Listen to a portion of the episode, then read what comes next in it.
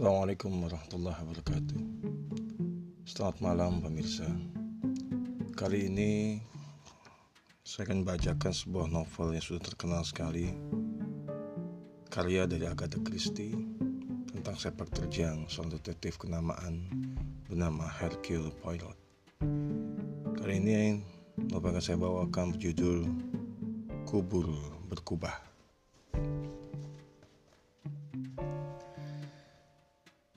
Nona Lemon, sekretaris Poirot yang terampil menerima telepon itu. Sambil menyingkirkan buku catatan stenonya, diangkatnya alat penerima telepon dan berkata dengan suara datar.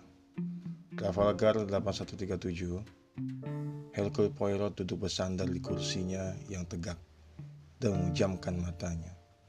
Sambil merenung, jari-jarinya mengetuk-ngetukkan semacam lagu ketentaraan di tepi mejanya. Dalam kepalanya, dia terus mengarang kalimat-kalimat sopan untuk sepucuk surat yang sedang dilakukan didiktekannya.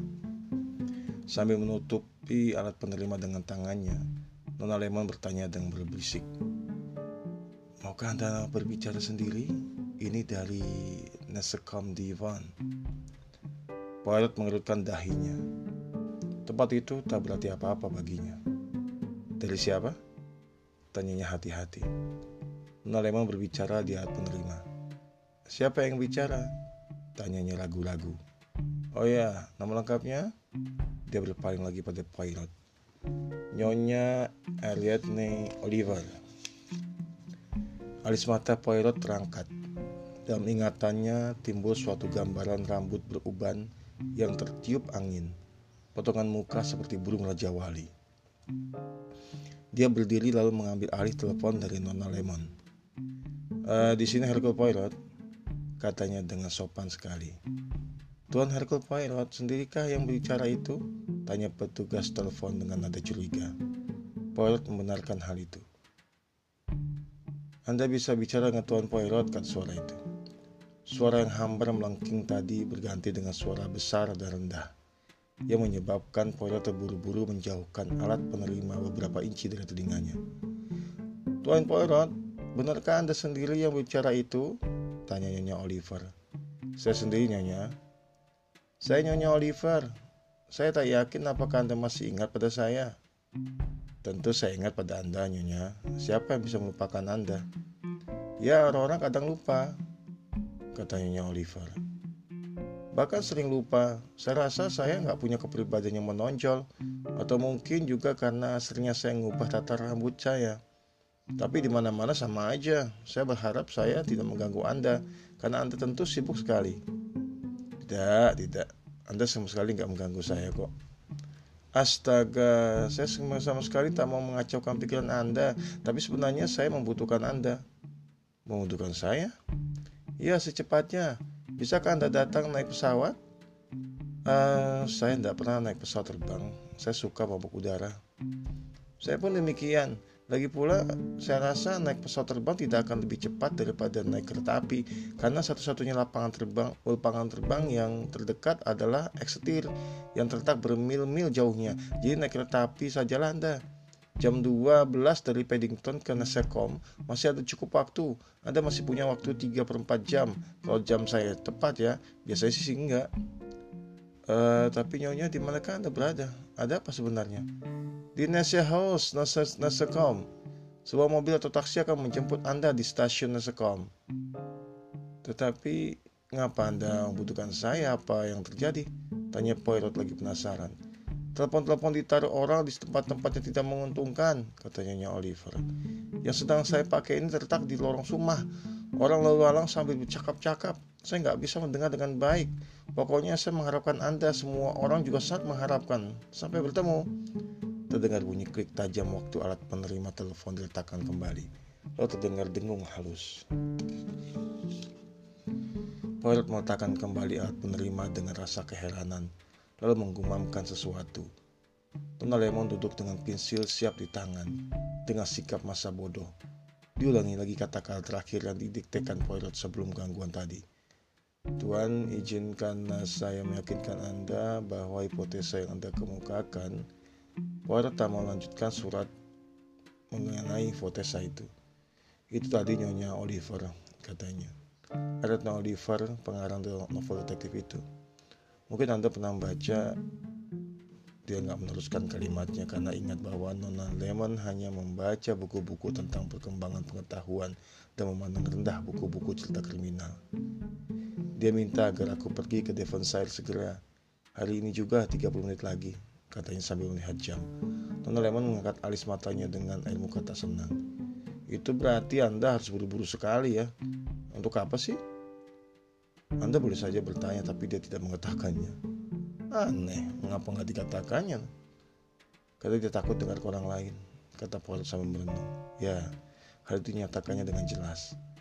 Benar-benar, kata Nalemon. Naik darahnya terhadap orang yang memperlakukan majikannya begitu.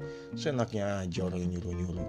Anda bayangkan, Anda harus bergegas pergi ke suatu tanpa tahu, empat tahun untuk apa? Orang seperti Anda loh. Menurut saya para seniman dan pengarang itu memang gak sehat pikirannya nggak tahu melakukan hal pada tempatnya. Apakah sebaiknya kalau saya kirim saja telegram kilat yang berbunyi menyesal tak bisa meninggalkan London? Tangannya sudah memanjang kau telepon akan minta telegram itu dikirimkan, tapi suara pilot membuatnya mengurungkan niatnya. Tutot, katanya. Jangan, tolong panggilkan taksi segera. Lalu dia berseru nyaring. George, tolong masukkan beberapa potong pakaian yang perlu-perlu saja ya ke dalam koper kecilku. Cepat, cepat, aku harus mengejar kereta api. Kereta api yang telah menjalan 180 mil dari perjalanan panjang 212 mil yang harus ditempuhnya dengan kecepatan tertinggi, menjalani jarak terakhir yang tinggal 30 mil lagi dengan mendesah lembut, lalu masuk ke stasiun Nasekom. Hanya seorang yang turun, Hercule Poirot. Diperhitungkannya dengan cermat jarak antara tangga, kereta api, dan lantai stasiun. Lalu dia melihat sekelilingnya. Di ujung kereta api, seorang kuli stasiun sibuk dalam bergebong barang-barang Ford mengangkat kopornya lalu berjalan ke arah pintu keluar. Ditunjukkannya karcisnya, lalu ia keluar melalui tempat menjual karcis. Sebuah mobil sedan Humber terparkir di luar dan seorang sopir berseragam mendekatinya. Apakah anda Tuan Hercule Poirot? Tanyanya dengan hormat. Diambilnya kopor dari tangan Poirot lalu ia membukakan pintu mobil. Mereka meninggalkan stasiun melalui jembatan kereta api, lalu membelokkan ke arah jalan di pinggir kota berkelok-kelok dan diapit pagar-pagar tanaman yang tinggi-tinggi. Sebentar kemudian tanaman di sebelah kanan jalan menjarang dan tampaklah suatu pemandangan sungai yang indah dengan bukit-bukit biru di kejauhan. Supir memasuki pintu pagar lalu berhenti. Ini sungai Helm tuan, katanya. Yang jauh di sana itu Dartmoor. Poirot menyadari bahwa dia lu harus menyatakan kekagumannya. Maka dia pun berdecak dengan bergumam. Sungguh indah ya. Berapa kali sebenarnya alam tidak begitu menarik perhatiannya. Sebuah kebu yang ditanami bumbu-bumbu keperluan dapur lebih mampu menimbulkan rasa kagum pilot. Dua orang gadis melewati mobil itu, lalu mendaki bukit dengan susah payah. Mereka memikul ransel di punggungnya dan memakai celana pendek dan kerudung aneka warna terikat di kepala mereka. Di sebelah rumah kami ada wisma remaja Tuhan. Supir itu menjelaskan bahwa dia telah mengangkat dirinya menjadi pemandu jalan bagi pilot ke Devon. Tempat itu semula adalah Hood Down uh, Park milik Tuan Fletcher. Lalu Yayasan Wisma Remaja membelinya. Tempat itu penuh sesak dalam musim panas. Sampai 100 orang setiap malam mereka tampung. Anak-anak itu nggak boleh menginap lebih dari beberapa malam lalu mereka harus melanjutkan perjalanan mereka. Mereka itu laki-laki maupun perempuan kebanyakan dari luar negeri. Poirot mengangguk menaruh perhatian. Dia sedang merenungkan bahwa sedikit sekali perempuan yang pantas memakai celana pendek bila dilihat dari belakang. Dipejamkannya matanya dan kesal. Mengapa mengapa gadis itu berpakaian begitu? Celana pendek merah itu sama sekali tak menarik. Nampaknya beban mereka berat sekali, gumamnya. Memang tuan, padahal perjalanan dari stasiun atau perhentian bus jauh sekali. Sekurang-kurangnya dua mil ke Down Park itu. Sopir itu kelihatan bimbang sebelum melanjutkan. Apakah Anda berkeberatan bila kita memberi tumpangan kepada mereka tuan? Uh, tentu tidak, kata Poirot dengan murah hati. Dia merasa dirinya dalam keadaan nyaman yang berlebihan. Dia berada dalam sebuah mobil yang boleh dikatakan kosong, sedang kedua gadis itu terengah-engah dan berpelih-pelih di bebani ransel yang berat-berat dan tidak pula mempunyai kesadaran cara berpakaian supaya kelihatan menarik bagi laki-laki. Sopir menghidupkan mesin mobil dan berhenti di sisi kedua gadis itu. Wajah mereka yang merah dan berpeluh terangkat dengan penuh harapan. Poirot membuka pintu dan kedua gadis itu memasuk. Anda sangat baik hati, kata salah seorang di antaranya. Seorang gadis berambut pirang dengan aksen asing. Rupanya lebih jauh daripada yang saya sangka. Gadis yang seorang lagi, yang wajahnya sangat merah, tersengat matahari, dan rambutnya keriting berwarna coklat kemerahan, mengintip dari bawah kerudung kepalanya. Hanya mengangguk-angguk beberapa kali, tersenyum memamerkan giginya, dan bergumam, Graze, gadis yang berambut pirang tadi berceloteh terus dengan bersemangat. Saya datang ke Inggris ini untuk berlibur. Saya dari negeri Belanda. Saya suka sekali negeri ini. Saya sudah ke Stanford Avon, Teater Shakespeare, dan Puri Warwick. Lalu saya ke Lovely. Sekarang saya sudah melihat Cathedral Exterior dan Torquay. Bagus sekali. Kini saya mendatangi tempat indah yang kesor ini dan besok saya menyeberangi sungai pergi ke Plymouth. Dari Plymouth, oh, pelayaran ke dunia baru diawali. Dan Anda, Signorita? Poirot menoleh kepada gadis yang seorang lagi, tapi dia hanya tersenyum dan menggelengkan kepalanya yang berambut keriting itu. Dia kurang bisa bahasa Inggris, kata gadis Belanda itu dengan manis. Kami berdua pandai berbahasa Prancis sedikit-sedikit, jadi kami bisa bercakap-cakap di kereta api. Dia berasal dari dekat Milan dan punya keluarga di Inggris ini yang kawin dengan seorang pemilik toko barang-barang keperluan dapur. Kemarin dia datang ke Exeter dengan temannya, tapi temannya itu makan pastel yang dagingnya sudah busuk yang dibelinya di sebuah warung di Exeter. Jadi harus tinggal di sana karena sakit perut. Tak baik makan pastel daging dalam musim panas begini.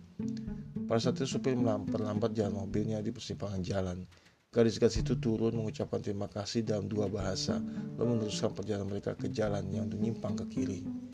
Supir itu melupakan sebentar sikap hormatnya yang tak bercacat dan berkata dengan sikap menggurui pada Poirot.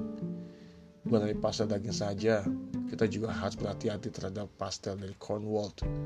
Dalam masa libur begini pasti mereka diisi sembarangan saja. Mesin mobil dihidupkan kembali lalu membelok ke kanan dan sebentar kemudian melalui hutan lebat. Supir memberikan penjelasan terakhir mengenai para penghuni Wisma menjadi Hood Down Park. Ada juga beberapa garis manis di antara mereka di Wisma itu, katanya. Tetapi sulit sekali memberikan pengertian pada mereka tentang pelanggaran daerah milik pribadi. Menjengkelkan sekali cara mereka melakukan pelanggaran tanah milik pribadi.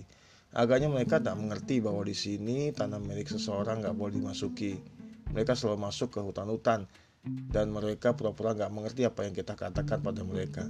Dia menggeleng-gelengkan kepalanya dengan murung. Mereka masih terus mendaki sebuah bukit terjal melalui sebuah hutan, lalu melalui pintu gerbang besi besar melewati lorong jalan mobil, dan akhirnya tiba di sebuah rumah putih besar model Georgia yang menghadap ke sungai.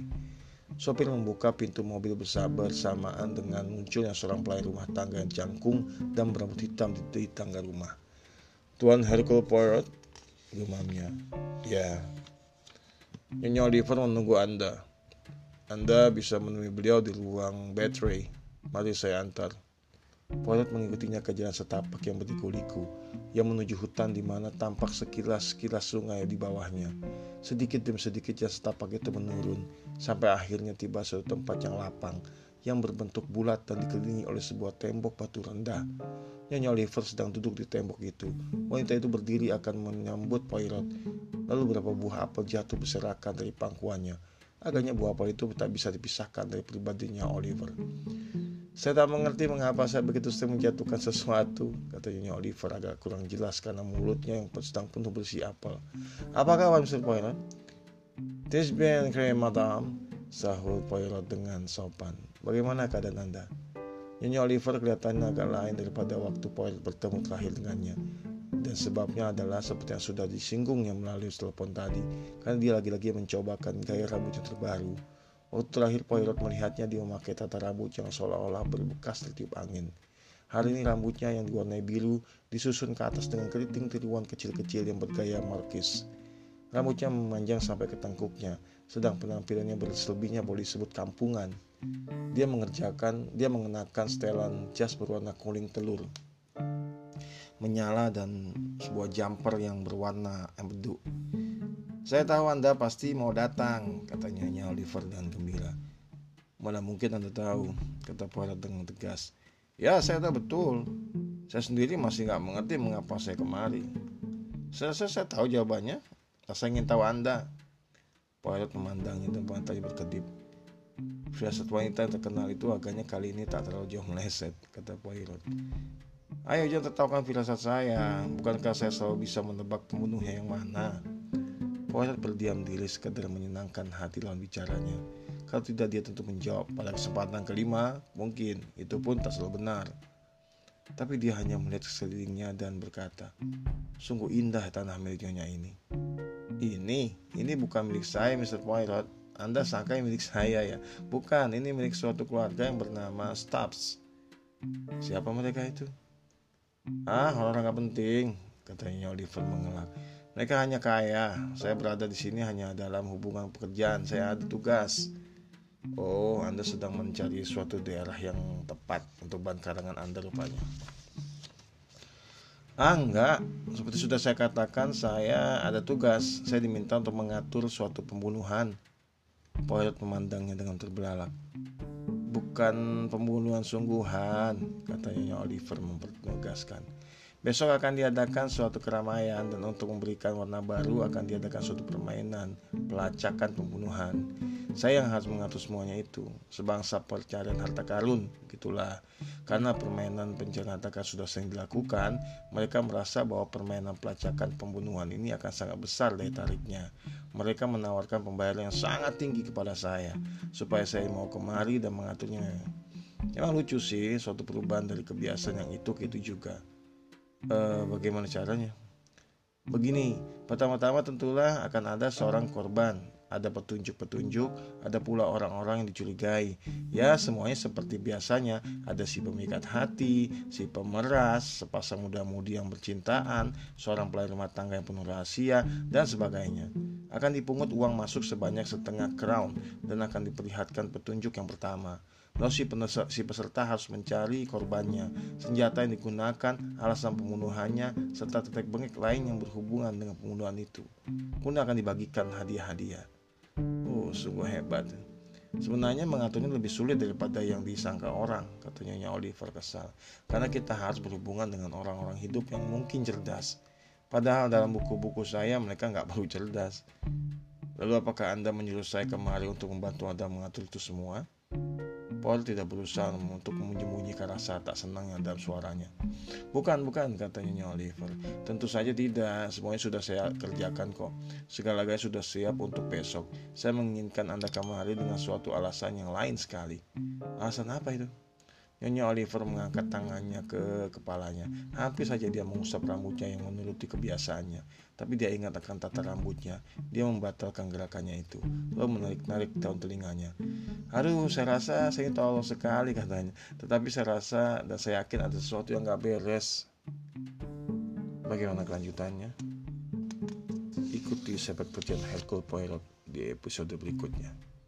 Salam.